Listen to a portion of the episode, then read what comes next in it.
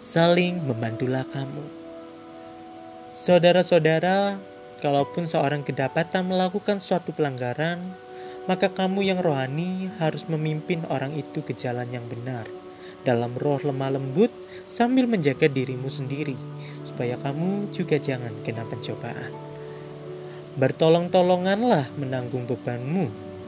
Demikianlah kamu memenuhi hukum Kristus. Sebab kalau seorang menyangka bahwa ia berarti, padahal ia sama sekali tidak berarti, ia menipu dirinya sendiri. Baiklah, tiap-tiap orang menguji pekerjaannya sendiri maka ia boleh bermegah melihat keadaannya sendiri dan bukan melihat keadaan orang lain. Sebab tiap-tiap orang akan memikul tanggungannya sendiri. Dan baiklah dia yang menerima pengajaran dalam firman, membagi segala sesuatu yang ada padanya dengan orang yang memberikan pengajaran itu. Jangan sesat.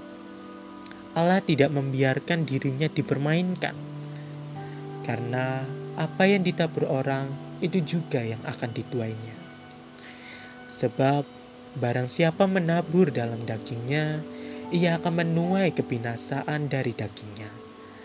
Tetapi barang siapa menabur dalam roh, ia akan menuai hidup yang kekal dari roh itu.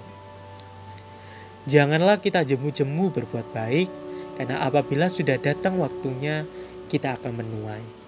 Jika kita tidak menjadi lemah, karena itu Selama masih ada kesempatan bagi kita, marilah kita berbuat baik kepada semua orang, tetapi terutama kepada kawan-kawan kita seiman.